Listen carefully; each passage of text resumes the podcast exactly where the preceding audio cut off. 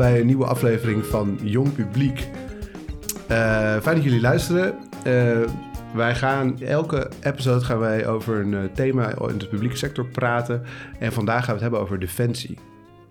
Eh, en dat doen we met, onze, met een gast, met eh, Sebastian Schenk. Fijn dat je er bent, Sebas. Hallo. Wij mogen Sebas zeggen, want eh, we zijn goede vrienden. En eh, Jan is er natuurlijk ook weer. Ja, Dus eh, hallo Sebas. Hoi. Zoals gewoonlijk zijn eh, Jan Krabbedan en Abel Brussaert, dat ben ik, zijn jullie eh, eh, host. Ehm, ja, we gaan het hebben over je werk, eh Sebas. Want Ja. eh, je hebt nogal een bijzonder beroep. Misschien wil je daar even wat over vertellen. Ja, ehm, ik ben eh, selectiepsycholoog bij eh, het ministerie van Defensie. En dat houdt eigenlijk in dat ik eh, burger ben bij Defensie en voor hun ehm, eh, eh, voor de selectie van nieuwe eh, militairen een eh, psychologische selectie doe door aan de hand van eh, gesprekken. En je zegt al meteen dat je burger bent bij Defensie. Staat het ook op je LinkedIn? Burger bij Defensie. Nou, ehm, nee, net niet. Maar inderdaad, dat is eigenlijk al wel heel erg het defensietaaltje. Hè? Je bent of een burger of je bent militair. Ja, ja. En als burger dan ehm, heb je dus ook geen training gehad. Ben je niet eh, militair inzetbaar. ja. Dus ja. eh, Ja. Geen uniform. nee, geen, eh, precies. Nou, daar merk ik al gelijk dat ik heel erg in die wereld zit en jullie niet. Want dat, is voor- dat is Ja. echt hoe iedereen bij ons praat. Van, Ja. oh, burger of militair. Ja. Is dat, is ja, wordt dat dan benadrukt of zo? Of is dat dan belangrijk op werk?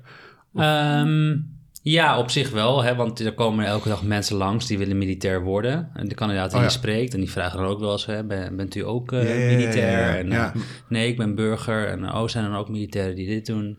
En ja, bijvoorbeeld bij Defensie proberen ze wel, ehm, op elke afdeling proberen ze het een beetje te mixen, ook al is het een burgerafdeling, om ook wel wat... Burger. Ja, dat klinkt grappig, maar...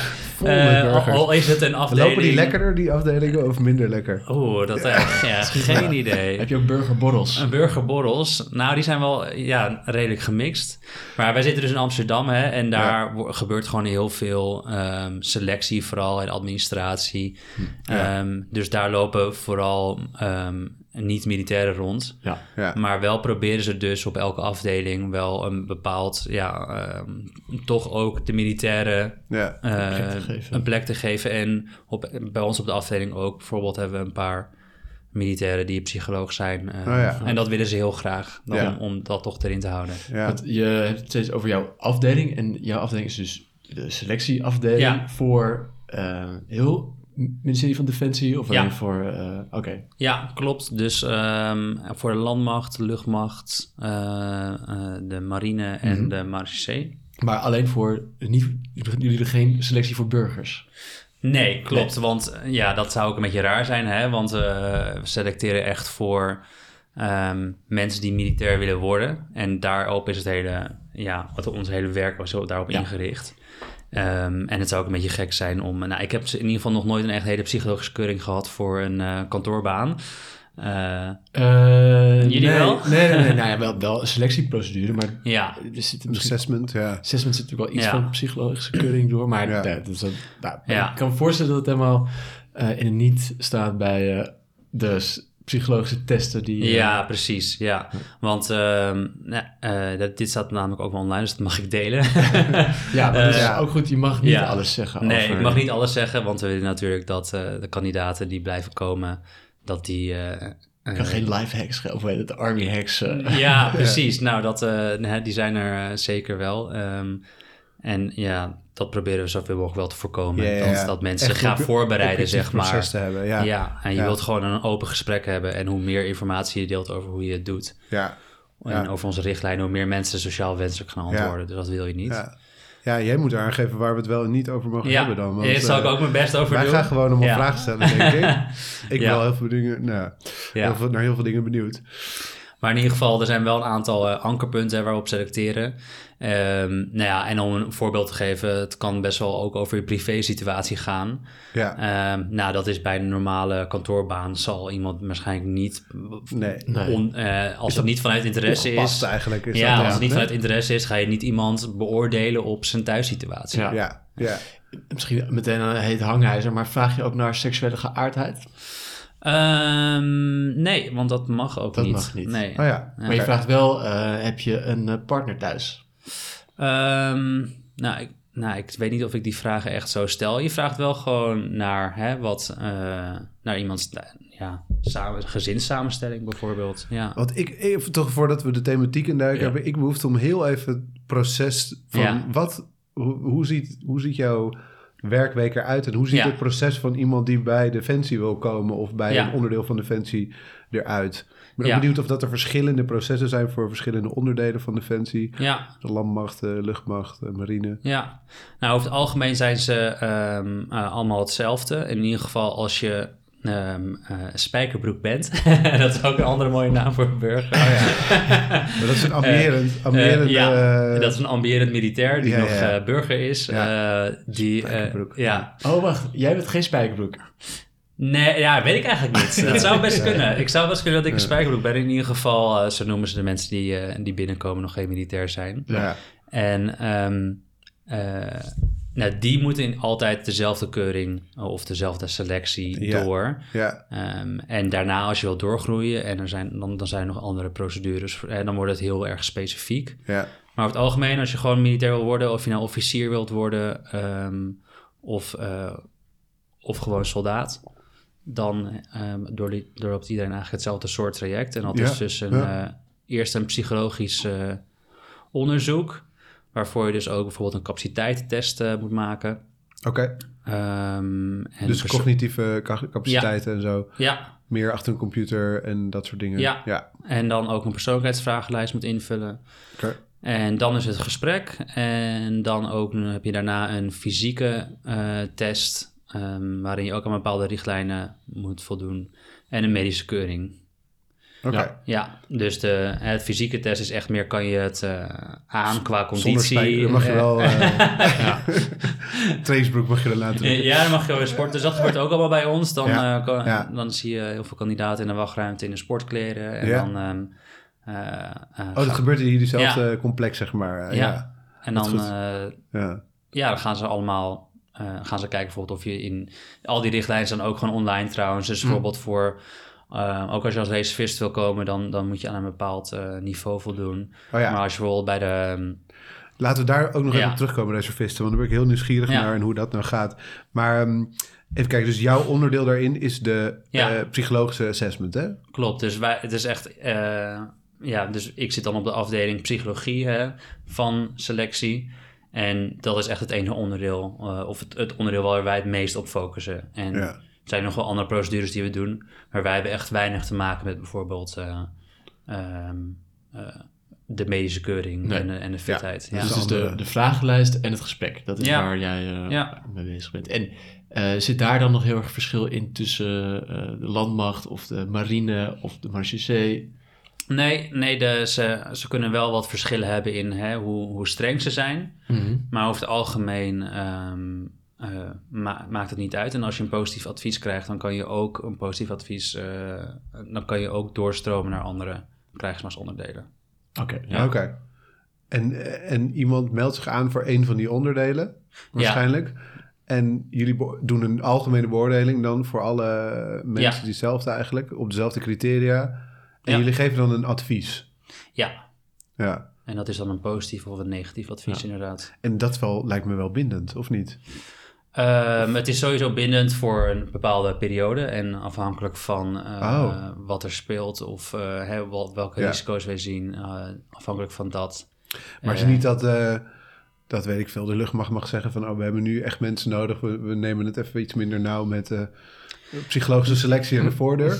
Nou ja, dat, ja, dat soort dingen spelen af en toe wel, ja, binnen, binnen Defensie. Ja. Ehm, zeker, dus dat zijn wel echt thema's die vaak voorkomen. En dat, daar heb ik gelukkig niet zoveel mee te maken, Nee. want Ja. dan wordt het ook al best wel complex. Maar je geeft wel het advies, positief Eh, of negatief. Ik geef het advies aan een kandidaat, ja. Ja, Oh, aan de kandidaat. kandidaat. Aan een kandidaat en aan het krijgsmansonderdeel inderdaad. Ja. Dus, Mm, eh, hè, dus eigenlijk hoe, het, hoe het gebeurd is... ehm, hè, de afdeling aanstelling krijgt dan bijvoorbeeld een, een, een- krijgt wat namen binnen. Eh, die gaan op gesprek. Nou, die zien dan, oké, die heeft een positief of negatief advies. Ja, En dan zien ze, oké, hoe, hoe lang mag diegene niet meer solliciteren? ja. Ja. Eh, en we geven dat ook aan een kandidaat die dan natuurlijk te horen krijgt van, nou ja, eh, je, op dit moment ben je nog niet Nee, eh, ja. geschikt voor militaire En dan functies. ja. doe je dan ook een feedbackgesprek nog of een toelichting? met die kandidaat? Ja, we dus doen eh, eigenlijk na elk gesprek ook wel een nagesprek. En dan is het al Eh, bekend. Dus niet... Ja, na, Ja. na- na- gelijk na het psychologische eh, interview, dan, eh, dan krijg je eh, ja, een half uur daarna of zo krijg je te horen wat de uitslag is. Ja. Oh ja. Ja. En in het half uur moet jij eh, alleen of met collega's een eh, oordeel Ja. geven. Ja, dus daar hebben wij dus eh, echt eh, een, heel veel richtlijnen voor, Mhm. die echt eh, ook echt heel goed door collega's en ehm, eh, door de hele afdeling eh, zijn samengesteld. Echt ook heel goed onderbouwd op, op onderzoek en op de huidige ehm, psychologische onderzoeken. Eh, over risico's, zeg maar, Ja, en hoe ja, dat dan in, in, in verhouding staat tot defensie. ja.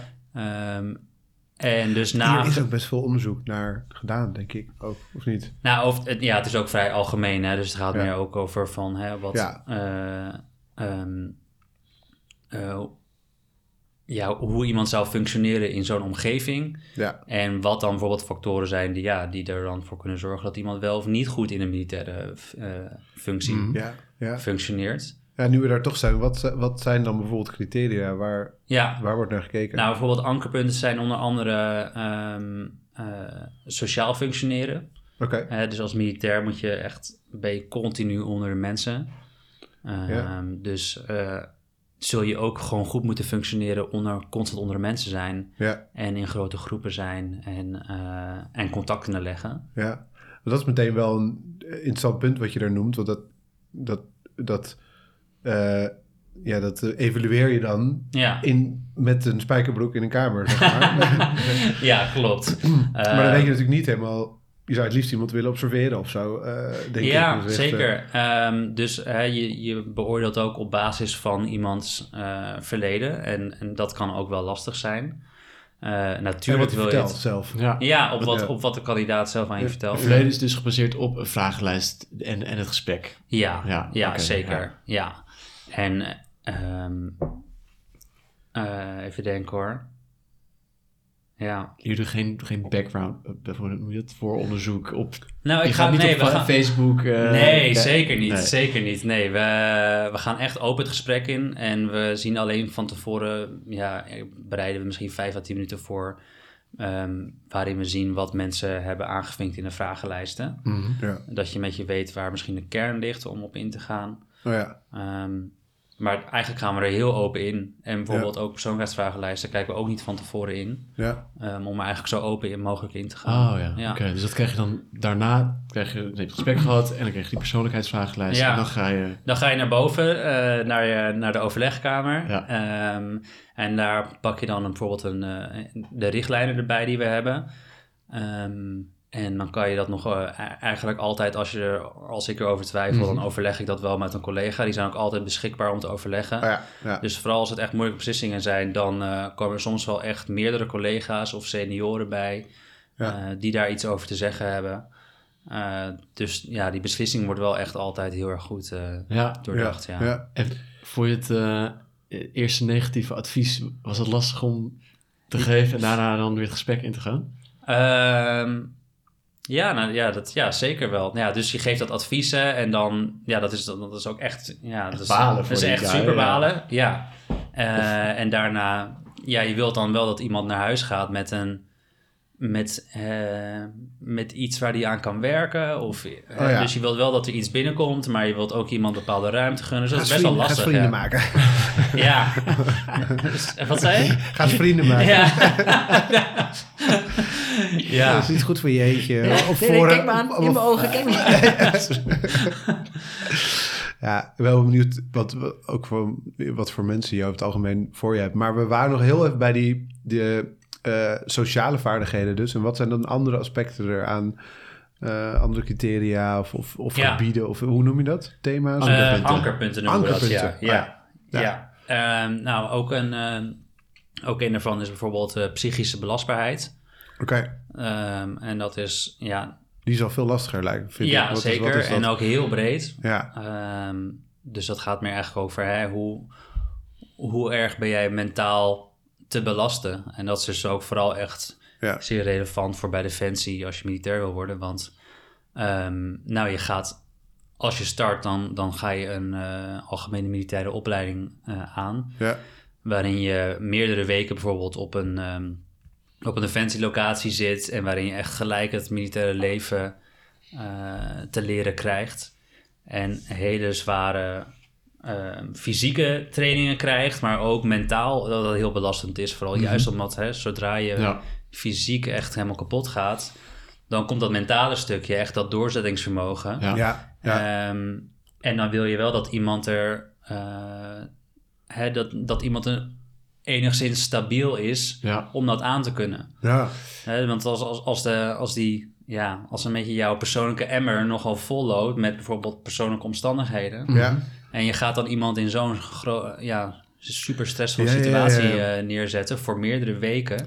Waar dan heel veel wordt verwacht van je, dan, dan eh, Ja, dus niet, het gaat niet zozeer om iemands mentale eh, belastbaarheid qua capaciteit die die heeft, maar ook vooral in hoeverre die al belast is. Met misschien andere dingen in zijn persoonlijke leven of, of, of juist ja, daaromheen of wat hij heeft meegemaakt. Of, ja, zo zou je dat wel kunnen zeggen. Ja. ja. ja. En als er dus heel veel geschiedenis is of iets dergelijks, kan je misschien, of heel veel nu actueel, dan kan je je afvragen of diegene wel nog extra Ja. belast kan worden. Ja, Kan je iets van een omschrijving van de vraag geven? ja. waar je... ik kan zo voor dat je, dat je situatie schetst en dan zegt van hoe zou je daarop reageren of zoiets. Of, eh, Ehm, nou, volgens, volgens mij kan ik wel zeggen, want volgens mij staat het ook namelijk in de mail die zij krijgen, is hè, dat je een levensloopinterview gaat doen. mhm. Eh, dus dat is echt meer gebaseerd op iemands eigen leven. Dus het is wat, wat minder hypothetisch. Oké. Ehm, waarin je dus echt gaat kijken van... Ja, dus eigenlijk, ik verzamel daarmee gewoon heel veel datapunten van een persoon. En daar, daarop maak ik dan een oordeel. Ja, maar ja. Je zegt niet van, eh, stel, dit zou er Nee. gebeuren. Nee. wat Maar wel doen? kan je Ja. een situatie noemen waarin je stress voelde. Of, Ja, bijvoorbeeld. Ja. Ja. als dat ik dat op een moment in een gesprek nodig vind om te weten, dan, dan is dat zeker wel een Ja. vraag. eh, En ja. hoe, je, hoe iemand daar dan mee omging en dat soort vragen? Ja. Dat, eh, ja. Ja, ik weet niet nog hoeveel, eh, want nu gaan we wel echt diep het interview in. Dus ik denk dat we daar ook dan even... Oké. Ja, we hebben het idee van het ankerpunt. eh, Psychische belastbaarheid? Ja, Ja. of ja, psychische belastbaarheid. Ja. ja. Oké, wat what's next? Een anker, ankerpunt. ankerpunt in Eh, Hoeveel zijn er? Als er nou heel veel zijn. Nou, het zijn er wel veel. Ja? Nou ja, we hebben dus verschillende soorten interviews. En ehm, de lange versie heeft er wel echt eh, eh, zes of zeven. ja. En de korte versie heeft er drie. En je praat dus wel, je, bent, je blijft wacht even bij een, iets stilstaan. Ja, maar uiteindelijk is het ook wel... Het, het voelt voor mij nu ook wel meer als een, als een ja, natuurlijk Ja, proces. Mm. En eh, i- ja, ik ga zelf meer gewoon wat onderwerpen langs. En daarmee kan ik dan uiteindelijk een oordeel maken. langs die Totaal. ankerpunten. Ja. Ja, ja, ja, ja, En de onderwerpen zijn dan... Nou, bijvoorbeeld een werk of opleiding of Ja. privé. Ja. Ja, ja. Oh, super interessant. Ik ben echt heel benieuwd hoe dat eruit ziet in zo'n ruimte. En hoe iemand erbij zit ook en zo. Of dat Ja. heel verschilt van een kandidaat op kandidaat. Of dat dat altijd eh, Ja. Ik zit ook eh, te denken- vergelijkbaar Je is. hebt natuurlijk allemaal sollicitatietraining. Heb je, zijn er ook al sollicitatietrainingen speciaal voor de landmacht? Van bedrijven Nou, eh, ja, eh, zeker. Want er zijn wel bedrijven die dan bijvoorbeeld... eh, Predefensie. Met, met, met, met ex-militairen of met mensen die daar ervaring Ja. mee hebben... Mhm. die wel bijvoorbeeld eh, vooral ook wel echt gefocust zijn op je fysieke klaarstomen. Dus met een heel trainingsprogramma komen Ja, en zo. ja. En dat je een beetje een idee hebt wat je komt te wachten. En ook wel ehm, enigszins eh, eh, wat vertellen over, je, over het psychologische interview. Ja, Maar ehm laatste, toevallig hebben collega's volgens mij daar nog een keer mee samengezeten. Want wij vinden natuurlijk dan ook belangrijk dat, dat zij niet allemaal informatie gaan delen die Nee. eigenlijk alleen maar eh, van eh, Ja, die wij horen te weten. ja. Ehm, maar dat, dat, dat bleek best wel eh, goed geregeld te zijn. En, en die zaten wel ook op één lijn met, met ons. Dus, Ja. Ja, Ja. ja. Want uiteindelijk moet je het ook zien, we, we doen het ook niet om mensen te pesten, om, Nee. om ze af te Nee, wijzen precies. of zo. Zeg maar, we, we hebben natuurlijk een, een belang voor defensie om mensen ja. ehm, niet uit te laten vallen. Ja. Maar ook eh, zeker voor, voor zulke functies die heel gevaarlijk zijn en, en, en zo belastend. Ook wel echt een stukje zelfbescherming Ja, voor, ja, voor ja. de kandidaten die binnenkomen. Ik me voorstellen. Ja. ja. En ehm, wat, wat voor soort mensen komen erop af? Waar, waar, leeftijd, eh, mannen, Ja. vrouwen. Ja, ehm, Nou, wat zou je zelf denken? Wat, eh, al wat, eh, want het is nu natuurlijk ook leuk om aan jullie te vragen van wat een beetje het stereotype eh, wat jullie in je hoofd hebben. Zo, dat doet hij goed, hè? Eh, ehm, ja, ik denk toch eh, jong, dus, dus Vind ik allemaal 17-jarigen en zo. tussen 18 en 20, denk je? 17, ja? Ja, want Maar nou mag, ja, mag je, ik denk, mag je na de nou, middelbare school ga je vraag. toch? Mag je, eh, vanaf wanneer mag je het leger in? Vanaf 18 jaar Vanaf mag je het 18. leger. 18 jaar, ja, oké, maar je ja. mag wel vanaf 17 solliciteren. Mag je solliciteren? Ja. Ja, dus er zitten al 17 jaar. 17 jaar. Ik denk eh, verhouding man-vrouw. Nou, ik zeg 80% man. Ja, dat zou, zou ik ook schatten. Misschien nog wel meer. Ik weet geen verhoudingen, Ja? maar eh, ja, over het algemeen vooral wel mannen. Ja. ja. Ja. Daar heb je meteen ook de meeste gevallen tussen zitten die je moet afwijzen waarschijnlijk. Überhaupt. ook percentueel denk ik. Wat bedoel je? Nou ja, ik weet niet. Ik heb wel eens het idee dat mannen eh, zijn bijvoorbeeld al rijk vertegenwoordigd in dat soort beroepen, maar ook wel meteen heel uiteenlopend qua karakteristieken of zo. Je hebt ook meer autisme onder mannen bijvoorbeeld, Hmm. om maar iets te noemen. Ik weet niet of Hmm. dat een criterium is, maar eh, volgens mij komt dat meer voor. Of meer psychopaten, of eh Ja, langere, ja ik langere vind het, ja. einde van de curve, zeg maar, bij veel dingen. Ja. Dat zijn, ja, daar kan dat weet ik echt helemaal, dat zijn wel echt, eh, dat zijn speculaties. daar, kan ik, daar weet ik echt helemaal niks over. Heb je wel eens iemand, heb je wel eens iemand een positief advies gegeven en dat je de dag later dacht van, oh, ik weet eigenlijk niet of dat zo'n goed idee was, want ik heb helemaal Ja, niet dit of dat gevraagd. Ja, dus dat gebeurt ook wel eh, zeker. En dat vind ik ook wel het goede in ons proces, dat we wel, ehm, we hebben richtlijnen en die volgen we heel erg. En ja, soms dan heb je gewoon een onderbuikgevoel of dan Ja, gebeurt er iets in een gesprek waarvan je denkt van ja, dat klopt hier iets gewoon niet. Nee. oh ja. En, Ja. eh, dat kan je, en als iemand erbij zit, kan hij dat ook bij, met, je, met je eens zijn of daar je na vertellen. Maar je kan nog niet een vinger opleggen. ja. Ehm, en je Maar hebt je kan niet zeggen tijdens een gesprek van, eh, wacht even, hou dit vast, ik trek er, trek er even iemand bij. We gaan hier even met z'n tweeën kijken. Oh, Snap je wat ik bedoel? wordt, wordt, wordt het opgenomen? Nee, het wordt niet opgenomen. opgenomen. Nee, ja. nee. Ehm, en over het algemeen zit er ook niet, niet iemand bij. Soms dus wel, als je twijfels hebt, dan kan je ook een, eh, een tweede beoordelaar ook, eh, ook Ja. het laten beoordelen. Ook, ja. ook echt om het voor de kandidaat zelf om Ja, ehm, te laten zien van... Ja, eh, wij zijn ook maar mensen. En Ja. het kan, wij hebben ook bias als psycholoog. ja, ja. Ja. ja. Maar, ehm, want even kijken Dat je wat... twijfelt. eh, Ja, dag. ja, Dat dat- Bijvoorbeeld als iemand al eh, positief advies heeft gekregen. Nou ja, je kan, het, komt wel, het kan wel eens voorkomen dat je ja, een positief advies geeft. ehm, en het daar misschien niet, niet mee eens bent. Of je denkt van, ja, ik weet niet. Ja. Ik heb bijvoorbeeld ook nu ook wel eens een keertje meegelopen met, eh, dat is ook heel leuk trouwens, als psycholoog bij de kennismakingsdagen. Dus dat zijn dus dagen waarin ehm, eh, kandidaten voor het solliciteren kunnen ze echt een paar dagen meedraaien met Mhm. een soort van eh, eh, fysieke test. En Ja. gaan ze bepaalde oefeningen doen en ehm, worden ze in stressvolle situaties neergezet. Ja, ja. Ehm, en daar mocht ik dan ook bij zijn om als psycholoog te observeren. Dus dat was echt voor, ook voor mij heel nuttig. ja.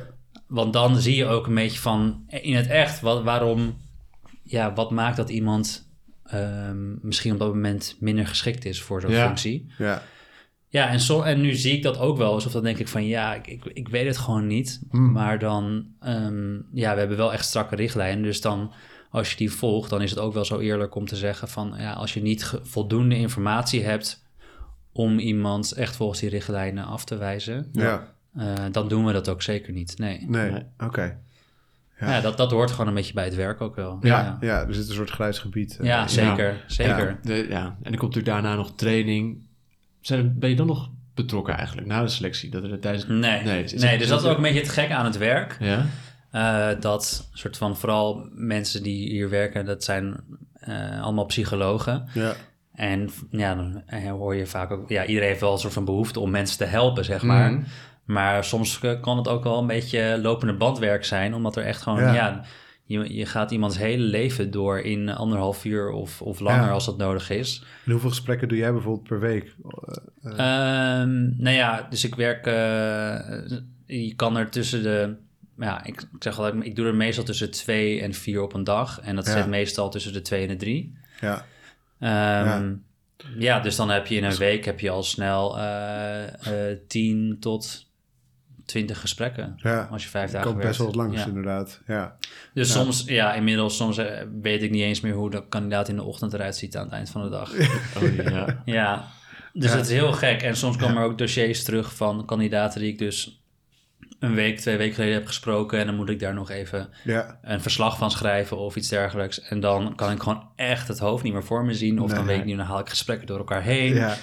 Dus Ja. je moet ook heel erg opletten dat je tijdens zo'n beoordeling let op wat er op dat moment gebeurt. Ja, die- dus we niet- schrijven alles mee ook. Oh ja, ja. Dus we hebben een enorm eh, eh, vel papier. Ja. ehm, Ja. En daar schrijven we alles in mee. Ja. En dat, dat, dat is het, een van de belangrijkste dingen om alles goed mee te schrijven. Ja, ja. Ja. Zodat je niet daarna eh, kandidaten door elkaar gaat halen. Of, eh, Nou Ja. ja, inderdaad. Maar, maar zodat, je, ja, Ja. zodat je echt weet wat er is gezegd. Want Ja, hè, dat je ook echt letterlijk. de woorden van de kandidaat Ja. opschrijft. En daarbij dus ook, als iemand, eh, vooral ook als een collega naar je vraagt... oké, maar hè, waarom is dit en dat dan? Dat je Ja. het gewoon hebt. Wat ik al lastig vind is dat iemand zo'n beoordeling krijgt terwijl ehm, het lijkt mij niet per se een ingangseis in Defensie dat je jezelf goed weet uit te drukken. Nee, waarom niet? Nou ja, waarom wel? Het is, kan heel fysiek zijn, toch? Je moet wel kunnen samenwerken, maar moet je je ook moet je goed kunnen vertellen over je leven? Of over je, moet je dingen kenbaar kunnen maken Ja. via die verhalen of niet? En Ja. hoe ga je daar dan mee om? Met dat soort kandidaten die misschien wel heel geschikt zijn, Ja, maar Nou, gewoon wat van korter de- van stof zijn bijvoorbeeld. Of, eh, ja. Nou, kort van stof houden we over het algemeen van bij Defensie. Heb je wel eens jij iemand- gaat het heel hard maken, Ja. Heb je wel eens negatief advies gegeven? Deze praat zoveel. oh, natuurlijk. Ja, ja? Ja? zeker. Gewoon te Eh, veel, dat kan een reden zijn natuurlijk. Ja. Ja, of, Ja. of Dat is nou, te veel. Ja. Of eh, meer als bijkomstigheid van iets anders wat iemand on- ongeschikt maakt misschien. Nou ja, eh, een van de ankerpunten is bijvoorbeeld ook communicatie. Dus daar letten we ook wel zeker op. En hoe Ja. je dat ook voor je moet zien is... Hè, wa- waarom moet iemand goed zijn in communicatie? Of in ieder geval aan bepaalde voorwaarden of criteria voldoen. Ehm, omdat ja, je- bij, bij Defensie moet je ook heel snel en kort en krachtig en Mhm. bondig kunnen communiceren. Ja, ja. En dingen snappen ook. En ja. dingen snappen. Eh, je hoeft natuurlijk niet. eh, ik heb, het kan wel zijn dat ik mijn taal een beetje aanpas op de doelgroep of op de persoon. En ik zal echt niet ehm, allemaal moeilijke psychologische definities gaan noemen of iets dergelijks. Maar al, ja, je zou wel kunnen zeggen, als, als iemand een beetje een bondig verhaal kan vertellen over zijn leven en ja, eh, daar duidelijk in is, dan is dat Ja, wel je, plus. is dat zeker ook, eh, ja, dan kan je dat mogelijk ook wel weer herleiden naar, oké, is, hoe is iemand, hoe gaat iemand communiceren in, bijvoorbeeld in de opleiding? Ja, ja, of, ja, eh, ja. of als Ja. iemand bijvoorbeeld even minder lekker in zijn vel zit of iets traumatisch heeft meegemaakt of zo, Ja. hoe, hoe, hoe kan hij daar dan over communiceren? Ja, oh, het is wel goed dat je zegt dat ze komen natuurlijk daarmee wel of niet de opleiding in. Hè? Dus ze krijgen nog wel een opleiding waarin ze ook Ja. nog langs de lat worden gelegd, als het ware. Ja, zeker. Ja, ja.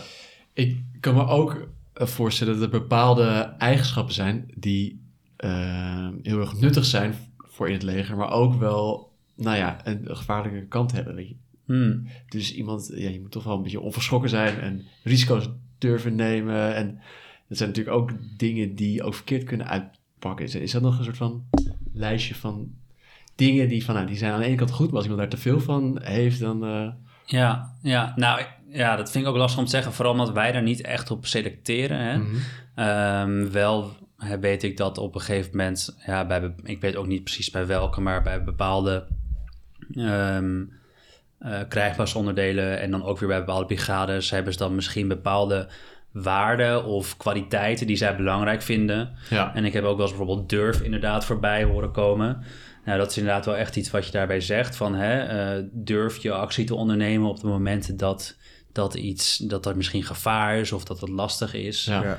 Ja. Ehm, maar eh, ik denk hoe wij er vooral op letten is eh, ehm, eh, in, wat voor, in wat voor mate is, doet iemand dat. Kijk, als iemand natuurlijk echt eh, continu alle risico's aangaat, ja, dat, eh, ja, dat is misschien niet zo super wenselijk. Nee. Ja. Als je, je moet je ook eigenlijk altijd een beetje voorstellen van eh, hoe, eh, wat gebeurt er dan met de persoon als je dan een, iemand een wapen geeft? Mhm. Ja. Want je geeft iemand een wapen, iemand wordt militair, Ja. iemand Ja. krijgt een voorbeeldfunctie, iemand Ja. moet voor de vrede en veiligheid van Nederland of van burgers of Ja. in een, eh, in een, in een, in een eh, oorlogsland?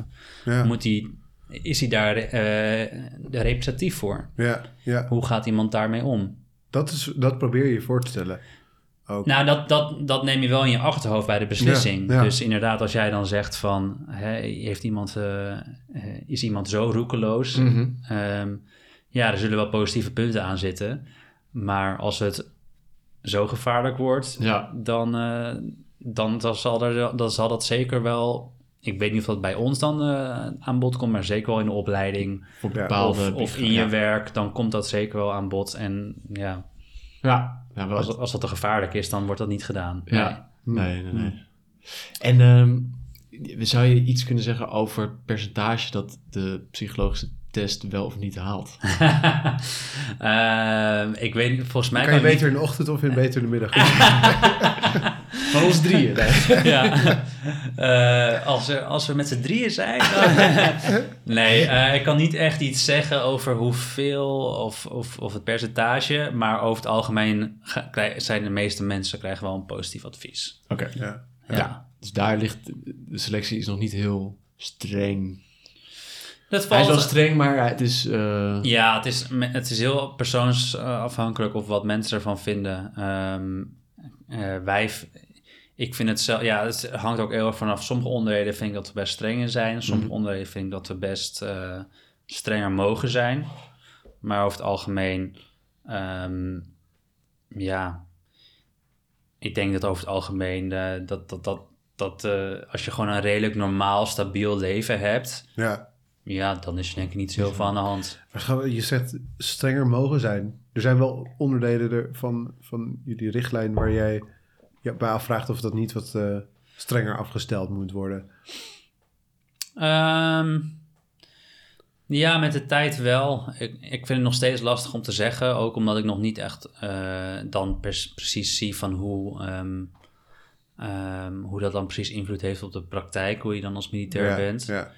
Eh, maar naarmate hoe langer ik er werk en hoe meer ik ook te horen krijg van, van andere militairen. En ook echt wat er in hun werk aan bod komt. En hoe moeilijk en, en stressvol het kan zijn. ja. Ehm, ben ik inmiddels niet meer van mening dat we daar te streng in zijn. Nee, Nee. vind ik het ook echt goed, goed wat we doen. Want daar ben ik nog wel nieuwsgierig naar van hoe, hoe dit zich heeft ontwikkeld en hoe dan de, de militairen ervoor staan ten opzichte van, weet ik veel, tien jaar geleden of twintig jaar Ja. geleden. Toen die selecties waarschijnlijk ook anders gingen omdat er Ja. andere kennis was of andere trends of andere... eh, ja, ik moet zeggen, daar weet ik ook niet zo heel veel van. Ik heb, voor, we heb jij wel... collega's waarvan je denkt, eh nou, die- jou had ik nooit toegelaten. Dat ook, eh, Ja, nou ja, dat kan ook wel natuurlijk. Het is ook, je komt binnen en je, je krijgt een positief advies. En dan kan er natuurlijk, maakt, kan je nog zelf een hele ontwikkeling of, Ja. of een hele degradatie doormaken. ja, ja. Dus ehm, eh, ja, dat is moeilijk te zeggen. Het is moeilijk over, te zeggen. Maar ik, ja, ik weet ook niet precies hoe het tien jaar geleden ging. Maar het ging wel zeker. Ik weet, ik weet wel dat we in de laatste jaren wel een hele grote ontwikkeling hebben gemaakt. En door eh, echt veel meer volgens mij op. eh, gebaseerd op, op, op recent onderzoek eh, Ja. de richtlijnen te hanteren. Ja, En ik denk ook, nou ja, er zijn de enorme campagnes van werken bij Defensie. Ja. En Dus er is blijkbaar een vraag naar... Ik eh, google ook heel veel naar, naar vacatures dan voor, om, omdat ik functies niet snap of zo. Ja. Dus ik krijg nu ook al die vacatures Oh de ja, hele tijd binnen. getarget, ja. Ja. dus er zijn heel veel vacatures en jullie ehm, selecteren, zijn op sommige punten streng. Is dat wel eens een, een, een discussiepunt van dat er... We, ja, het begint natuurlijk wel al, al volgens mij een beetje over gehad, maar is het nooit dat je, dat, dat, dat je het meekrijgt van dat er gewoon heel erg wordt gevraagd om laat meer mensen door of... eh, Ehm, nou ja, kijk, uiteindelijk is er... Ja, ik denk uiteindelijk ergens wel, want er is een bepaalde capaciteit aan, aan mensen of aan eh, recruten die mensen wi- willen. En wij zijn natuurlijk wel een soort van... Ja, een soort van loketje waarin we dan eh, mensen eh, afwijzen... waardoor het moeilijker wordt om dat getal, aan het getal te komen. Ja, niet dat de niet-burgers jullie vervloeken omdat al die Ja, overvullen. het is heel verschillend. Het is heel verschillend. Eh, ehm, ik denk vooral wanneer mensen echt zien wat we doen en ze zelf ook echt een beetje gaan kijken van, oké, maar wat, wat voor kandidaat krijg je binnen en wat voor problematiek zie je dan? En wa- wa- hoe maak je dan beslissingen? En ik denk, zodra ze dat meer zien, dat ze dan al heel snel wel zien hoe goed eigenlijk en hoe belangrijk het werk eigenlijk is. Ja. Mhm. Ehm, eh, en, ik, en, en het kan ook voorkomen dat mensen daar niet, ja, daar niet, dat dat best wel ver weg staat. Ja, en dan, zijn, dan kan de afde onze afdeling kan wel een soort van, ehm, ja, een soort van hobbel op de weg zijn naar om, ja, om Ja. genoeg mensen aan te nemen. Ja, precies. Ja. Ehm, ik zit even te denken, wil ook nog wel wat vragen over actualiteit stellen Ja. en zo. Want, eh, want Ja. Nou ja, we hebben natuurlijk nu niet ver weg van ons een oorlog. En opeens wordt defensie ook belangrijker in heel Europa. En ik vroeg me ook af van wat, wat ja, merk je daar iets van? Of, of, of wordt zowel binnen je organisatie wat misschien ook wel goed is om daar een beetje over toe te lichten. Hoe, de, hoe het is om voor Defensie te werken. Want jij bent een onderdeel daarvan. Ja, Eh, maar misschien kan je dat doen aan de hand van bijvoorbeeld deze actualiteit. Van wat, Ja. wat, hoe, hoe merk je nu iets van ja. de onrust? Ja, nou, eigenlijk wat ik het meeste merk is dat, het, dat de actualiteit wel heel erg bij ons speelt. Ehm, dus waarbij het eerst, eh, voordat ik deze baan had, het gewoon vooral op het nieuws was en ik het met, misschien met jullie of andere vrienden erover had, Ja, ehm, is het nu eh, ook echt actueel onderwerp op werk. Ja. En eh, ehm, krijg je ook een, eh, een, een e-mail binnen op je werk-e-mail van bijvoorbeeld de, de luitenant van de afdeling over de oorlog en hoe dat, ja, ja, hoe dat ook va- van ons, van, op ons van invloed is. En, Ja. en ehm, wat Defensie daarmee gaat doen en wat voor troepen wij gaan sturen. Hè. Dus bijvoorbeeld, ik was ook gelijk van op de hoogte dat we eh, dat de luchtmobiele brigade bijvoorbeeld naar Roemenië is gestuurd om daar te Ja. oefenen. Mhm. Dat, eh, dat werd gelijk gedaan. Nou, dat, dat soort dingen kregen wij gelijk te horen. ja, Ja. ja, Dus je zit wel veel meer in de loop. ja, ja, ja. Maar verder hebben, ja, is het toch best wel. ehm, Is dat een soort van staat van paraatheid dan? Waar je, of, of is het meer van... hey, wat bedoel je? Wat er in Roemenië gebeurt dan? Of? Nou, nee, dat als, als oorlog zo dichtbij komt en, en er wel wellicht sprake is van militairen erheen sturen of, eh, of mensen van defensie, dat je dan. eh, dat, je, dat je dan. dat de hele organisatie dan in een soort staat van paraatheid komt? Of is het meer.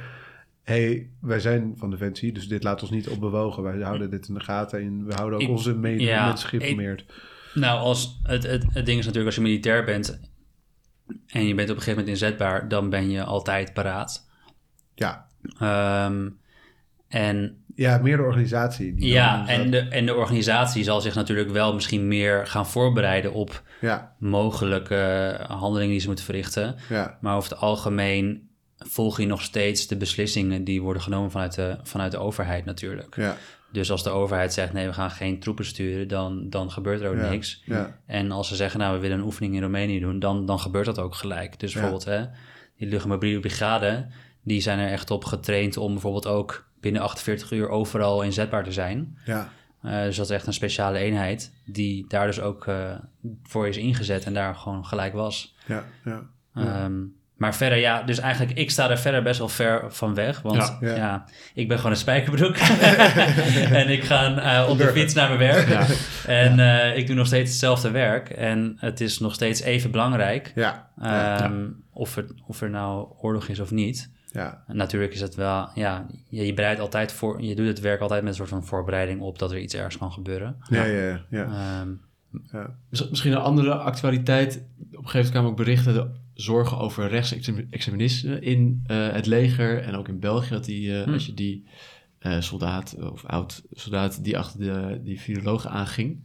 Is, is, dat heb ik een beetje gemist. Wat, wat was het dan precies? nou, dus er waren sowieso zorgen over ehm, eh, nou, de, de rechtse ideeën, rechtsextremisten die in het leger zitten. En in België werd de, de, de Belgische Ab Oosterhuis of Dirk Gommers, noem maar, die werd bedreigd door een militair die eh, actief naar hem op zoek was. Oh, Met wapens. Die zijn Wow. uiteindelijk ja. eh, zoveel dagen op de vlucht geweest. Die heftig. gast die in het bos... eh, Die in het bos had was, Ja. Is dat nog, is, als dan zoiets speelt, is dat nog eh, wordt het dan nog, is het nog bij jullie extra onder aandacht van, nou ja, let Maar op. deze blijkbaar niet. Deze blijkbaar niet. Nee, is niet van, eh, Nee. nee, er wordt niet naar... eh, jullie vertrouwen nee. op jullie protocollen. Ja, Oh, ja. zeker. Ja. en ik denk ook wel dat onze eh, richtlijnen inderdaad echt heel erg, wel echt heel erg alomvattend zijn. En Ja. ehm, eh, ik denk ook juist dat de extreme dingen daarin, hè, zoals zo'n extremist, Ja, dat dat soort dingen zeker naar boven al komen in zo'n gesprek, Ja. ehm, als die dan naar boven komen. Mhm. Ja. ja, duidelijk. Ja. Ehm, Oh ja, misschien nog laatste vraag. Er zijn niet nu enorm veel aanmeldingen door... Nou, er zijn wel heel veel aanmeldingen, maar we, eh, hè, dat was toch ook volgens mij een tijdje in het nieuws dat er echt, eh, dat, dat, dat er echt eh, zoveel procent meer aanmeldingen waren sinds de oorlog in de Oekraïne.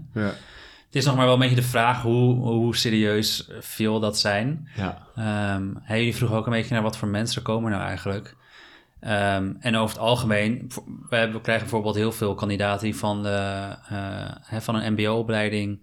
ehm, f- eh, eh, God, even kijken hoor.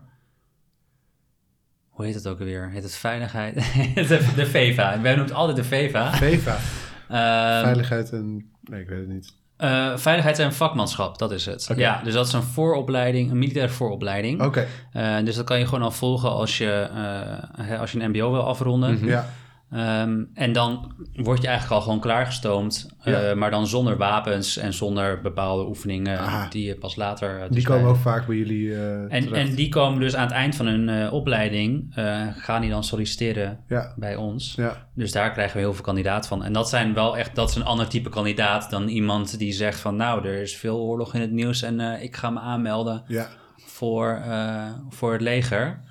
Ehm, en ik denk ook wel dat, ja, dat is mijn vooroordeel, maar ik heb het idee dat mensen ook dan niet echt het idee, niet echt weten wat ze te wachten staat Nee. bij Defensie. Nee. En ja, er staat je toch wel echt een, een pittige opleiding eh, Mhm. te wachten, waarin je echt ja. fysiek eh, en mentaal echt keihard wordt uitgedaagd. Dus dan is het idee van een mooi uniform en eh, hè, helpen bij een oorlog is heel mooi. Ja. Maar of je dan ook echt het hele traject doorkomt, dat, dat, dat vraag ik me dan wel af. Ja, ja, ja, oké.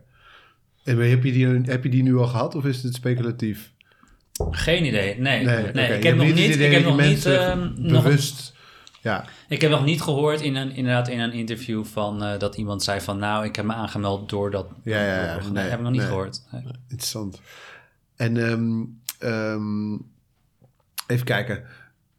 Heb jij nog vragen over, over het selectieproces? ik ben Oh. ook nog benieuwd over hoe Sebas hier beland is. Nou ja, dat daar, kunnen we zo... ik dat ook, want je, je vroeg aan ons van welk idee heb je bij die jongens die zich aanmelden. Ja. Eh, ik- Jongens, Jongens, en allemaal meiden. jongens. En meiden. Al- al meiden. 80% nee, ja. Maar ik ook zie ook... Meiden. eh, bij zo'n opleiding... eh, ik zie toch zo'n drillsergeant voor me, weet je wel, die dingen roept. Wat was jouw idee voor je bij de selectie van, van het leger ging werken? Ja, ehm, ja, dat idee had ik ook wel. Mhm. Eh, ik denk eigenlijk dat dat ook best wel overeenkomt. Ja.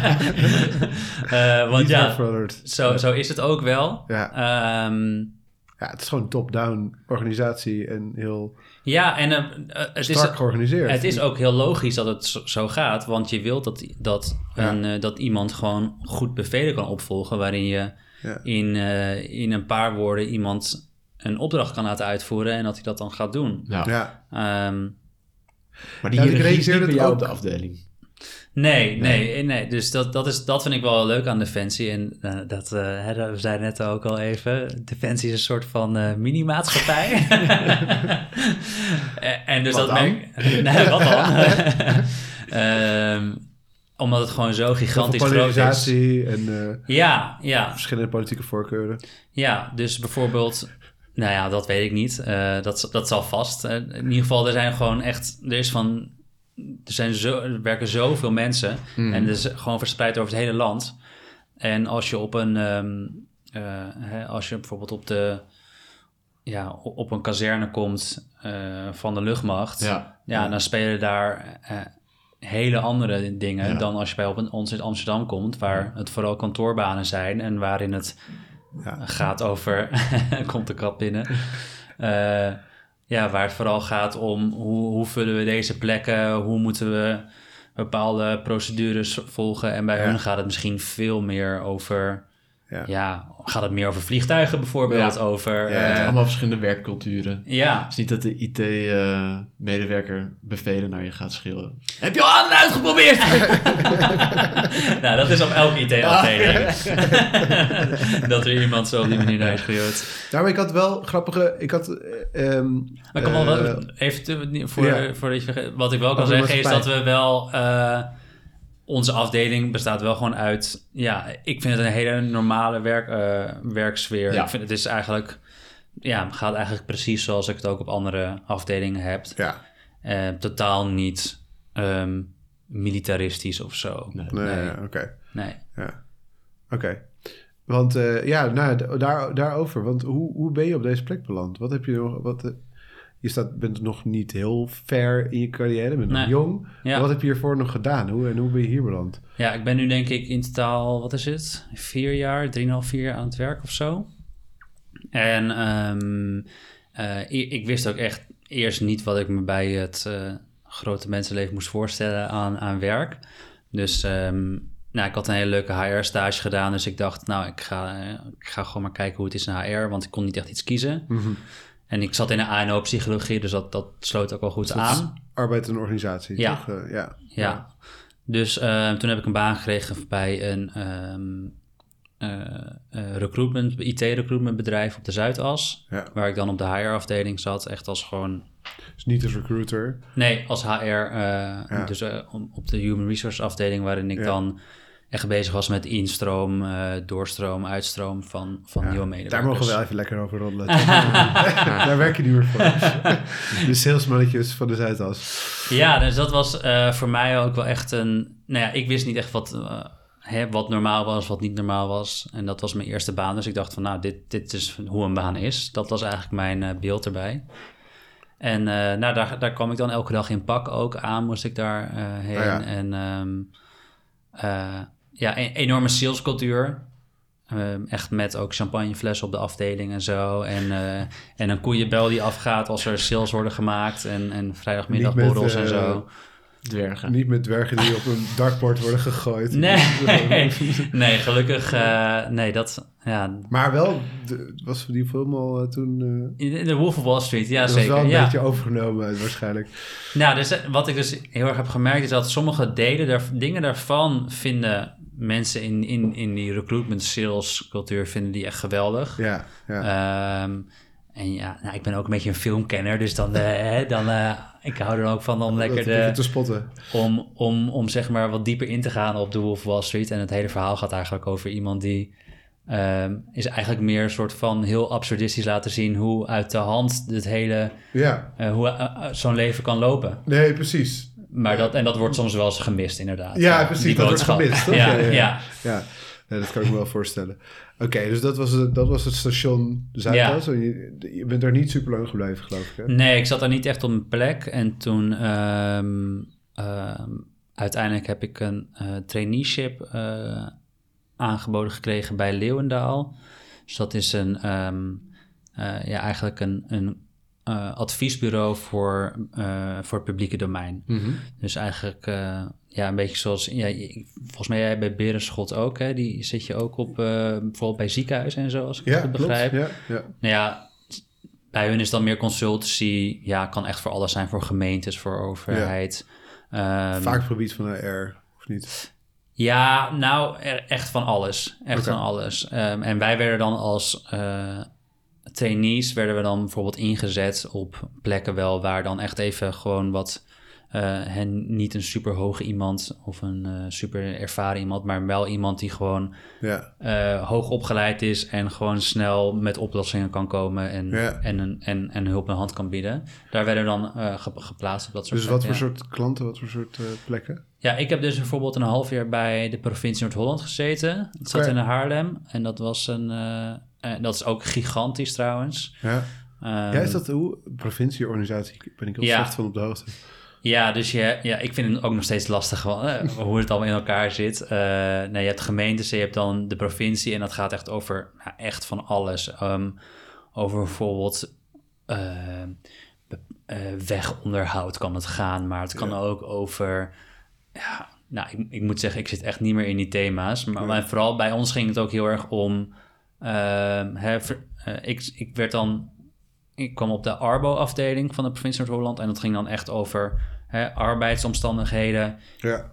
op dat kantoor zelf, omdat het kantoor gigantisch was. Ja. En, al die en ook de locaties van de provincie Noord-Holland. Ja. Dus dat kan dan ook gewoon gaan om, ehm, nou, bijvoorbeeld bepaalde gebouwen waarin ehm, ehm, mensen werken om de wegen te controleren. Ja, Daar ben ik wel eens langs geweest. Nou, dat moet dan allemaal aan voorwaarden voldoen. Een beetje andere types dan eh, op de Zuidas, denk ik. Echt compleet anders. Ja. ja. Wat ook het bizarre was, is dat ik op een, ehm, op, op een vrijdag was mijn laatste dag op de Zuidas. En op de volgende maandag was mijn eerste dag op provincie Noord-Holland. Dat was denk ik de allergrootste cultuurswitch die ik ooit heb meegemaakt in mijn leven. Het was eh, bijna erger dan zeg maar van, eh, eh, van Nederland vliegen naar, naar Cambodja en daar landen. Ja, ja. Dat was ook een grote cultuurschok. Maar dit was misschien wel gewoon erger. Zo'n Dat is zo anders. Echt Zo anders. cultuur. Ja. En keek je je eerste dag eh, daar je ogen uit? Of was je jij, meer van- jij kwam in pak, kwam je aan.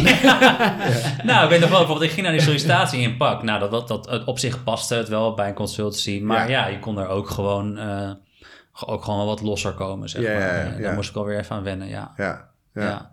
Maar wat is de grote schok dan tussen Noord provincie Noord-Holland en... de Eh, nou, echt totaal andere doelgroep. Dus echt van, denk ik... eh, eh, Maar meer, wat merk je ervan? Als je, wat merkte je ervan dat je daar binnen liep de eerste dag of zo? de eerste dag waar? Eh, bij Noord-Holland. Bij, eh, Nou, Ehm, nou, dus echt totaal andere mensen. Dus Ja. eh, hè, wat, ehm, wat meer wat van middelbare leeftijd. eh, rustiger? Was het ru- gewoon rustig, Minder, veel rustiger. Ja. Ehm, minder geluid. ja, nou ja, en, en hè, waar ik op de Zuidas dan eh, wel eens werd nageroepen als ik om half zes naar huis ging, eh, dat ik een parttimer was, zeg maar. Omdat ik... oh, eh.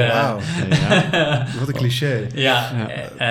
eh, en daar, ehm, nou dan, dan Was het, was het zes een kanon afschieten? ja. ja. Hal- ja, dan, om, op woensdag, hè, dan hadden vaak mensen hebben dan hun, hun, hun deeltijddag op vrijdag. En dan hebben ze op donderdag hun, hun thuiswerkdag. Ja, ja, nou, en dan om half drie op woensdag, dan, eh, dan hoor je de rolkoffertjes door de gang gaan. En zeggen mensen prettig weekend alvast. nou, dat was echt omgekeerde wereld. Ja. Ja, Ook een beetje sloom, denk ik wel. Na, na, ja. Of niet? Dus dat, dat denk ik ook wel echt, dat moet je heel erg ehm, liggen.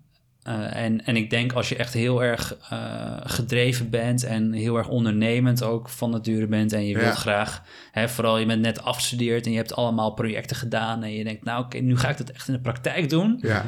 Ehm, dan is dat natuurlijk wel heel vet om dat in een organisatie te, te doen, zoals Ja. op de Zuidas. Dus was het wel wat echt het voordeel was daar. Als je daar een idee had, dan zei ze van nou, kom maar met een plan. En Hoppa, eh, ja. eh, als het, nou, of eh, dat klinkt goed en eh, we gaan het morgen fixen. Ja. Ja. Ja. En dat, dat kon echt heel snel gaan. En Ja. ik heb wel echt hele coole dingen zien gebeuren in korte tijd. Ja, ja, ja, ja, ja. En ja, de tegenhanger daarvan was wel bij de provincie Noord-Holland. Daar was ik letterlijk... eh, ehm, was er dus al een soort van onderzoek gedaan naar hoe het verbeterd zou kunnen worden. Ja, Eh, was echt onderbouwd door onze afdeling. ja, En een half jaar lang was ons project om dat dan goed te kunnen overtuigen naar de ondernemingsraad, Ja, ja, ja. naar de directie, dat daar draagvlak voor gecreëerd Ja. wordt. ja. Nou ja, hè, en eh, Dat is echt zo'n reality check. ja, dat, en dat was echt van, van alles is mogelijk direct naar echt lang en stroperig. Ja. Ja. Want ehm, ik, ik eh, weet dat je nog een paar andere stations hebt gezien in je, in je werkende leven. Eh. Maar het heeft je blijkbaar niet afgeschrikt, Noord-Holland, om dus bij Defensie bijvoorbeeld te gaan werken. Nee. Nee, ik denk ook wel omdat ik er eh, wel ook een beetje ben achtergekomen dat ik misschien van nature niet super ondernemend ben. ben. Oké, Ehm, en eh, ik ben juist denk ik meer iemand die soort van graag alle informatie opneemt en een beetje ja. eh, dat analyseert en erover nadenkt en dan een goede beslissing maakt en zo. En Ja.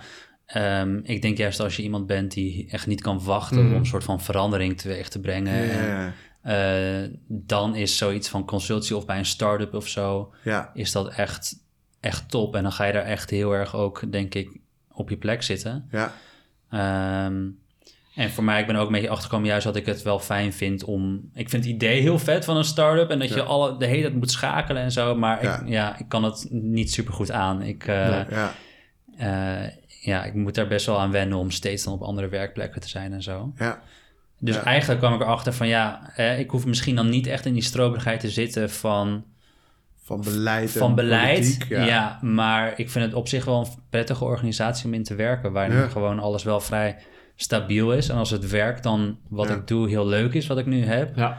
dan ja. Ja. is dat wel heel Ja, dat, goed. we willen dat ook natuurlijk toch. De overheid moet ook gewoon wel overwogen handelen Ja. en zich ook gedragen als organisatie. Je, in je, gaat natuurlijk ook met overheidsgeld, gemeenschapsgeld. dus Ja, ja, ja, ja. Dat Ja. inderdaad de dat is natuurlijk Ja, een- Ja. foutje maken. ik hou alleen niet heel erg van veel overleggen, dus dat is... eh, En dat, is, Dat was wordt nou- wel... eh, Nou, in mijn werk niet zoveel. Eh, Ja. Ik bedoel meer overleggen over bijvoorbeeld hè, beslissingen. Kijk, Ja. ik kan me, eh, eh, ja, toen ik daar bij de Vins Noord-Holland zit, dan heb je een vergadering voor de vergadering, die dan weer een vergadering voor de vergadering is. ja, Ehm, en nu is dat meer echt, oké, ik heb een overleg over een advies van een kandidaat. En dat, altijd een direct doel. en dat heeft gelijk een doel en gelijk een uitkomst. En dat kan, Ja. heel, dat, kan, dat kan ook wel echt een half uur tot een uur duren, dat je er echt heel erg intensief mee bezig bent. ja. Maar ja, dat, daar blijft het dan ook bij. Ja. Ja. Ah. Wat, eh, wat, wat, ga, wat wil je nog doen? Want je bent ook een opleiding aan het volgen, geloof ik. Ja, ik ben nu daarnaast eh, in mijn vrije tijd een eh, deeltijdopleiding aan het volgen. Eigenlijk eh, een soort van pre-master vakken om uiteindelijk een ehm, eh, basisaantekening psychodiagnostiek te mogen volgen. Ja. Je En dat is- met PTSD uit het leger kan helpen. Bijvoorbeeld. eigenlijk omdat ik nou, er wel... De afwikkeling en de... Nou, sorry. Mensen aan het begin van het proces en aan het einde van het... Ja. Ja, nou, het, is- het, is- MGGZ lijkt me wel... Het is een cliché. ja, daar ben je weer inderdaad. Ja, eigenlijk dat is wel een heel gek idee. Hè? Dus stel je voor dat ik dan een kandidaat heb gezien... en dat ik hem dan tien jaar later Tien jaar eh, later. moet behandelen. Ja, dat is wel, dat, dat is wel een heel raar Dat idee. zou wel een top het zijn. Eh, maar het is wel iets dat bijvoorbeeld... Dat, dat is dus de militaire gezondheidszorg, de MGGZ... dat lijkt me bijvoorbeeld wel echt heel interessant, ja. Oh, Ja. nice. Ja. Oké. Ja. Grappig. Ja. ja, dus het is helemaal niet zo... eh, Ver vanaf dan. Nee, Nee, we zitten nee. ook gewoon op dezelfde locatie. Ja. Dus- Ja. ja. ja, je leert natuurlijk ook wel die organisatie en zo kennen. Ik bedoel, het lijkt me wel Ja. heel re- rele- relevant. Ja. Het is een mini-maatschappij. Dus je Het is een kan- mini-maatschappij, dus je kan- Je kan gewoon bewegen door de maatschappij Ja, heen, inderdaad. Ja, Omhoog, zeker met een omlaag. spijkerbroek. Ja, Ja, Sebas, dankjewel voor dat je er was. oké. Ja, eerlijk. Wie zou eerder aangenomen worden? Abel of... We hebben het niet over de fysieke test, hè? We Oké, oké. hebben het over de psychologische test. Hmm. Nou. En dat moet ik op mijn, op mijn kennis doen die ik van jullie heb.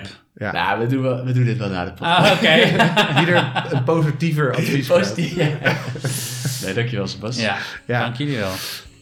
Eh te gast in de podcast was Sebastian Schenk. Ehm, we hopen dat jullie eh, nou, met eh, plezier begeluisterd naar deze podcastaflevering over, eh, over Defensie. En eh, tot de volgende keer met een volgend onderwerp. Alright, hoi!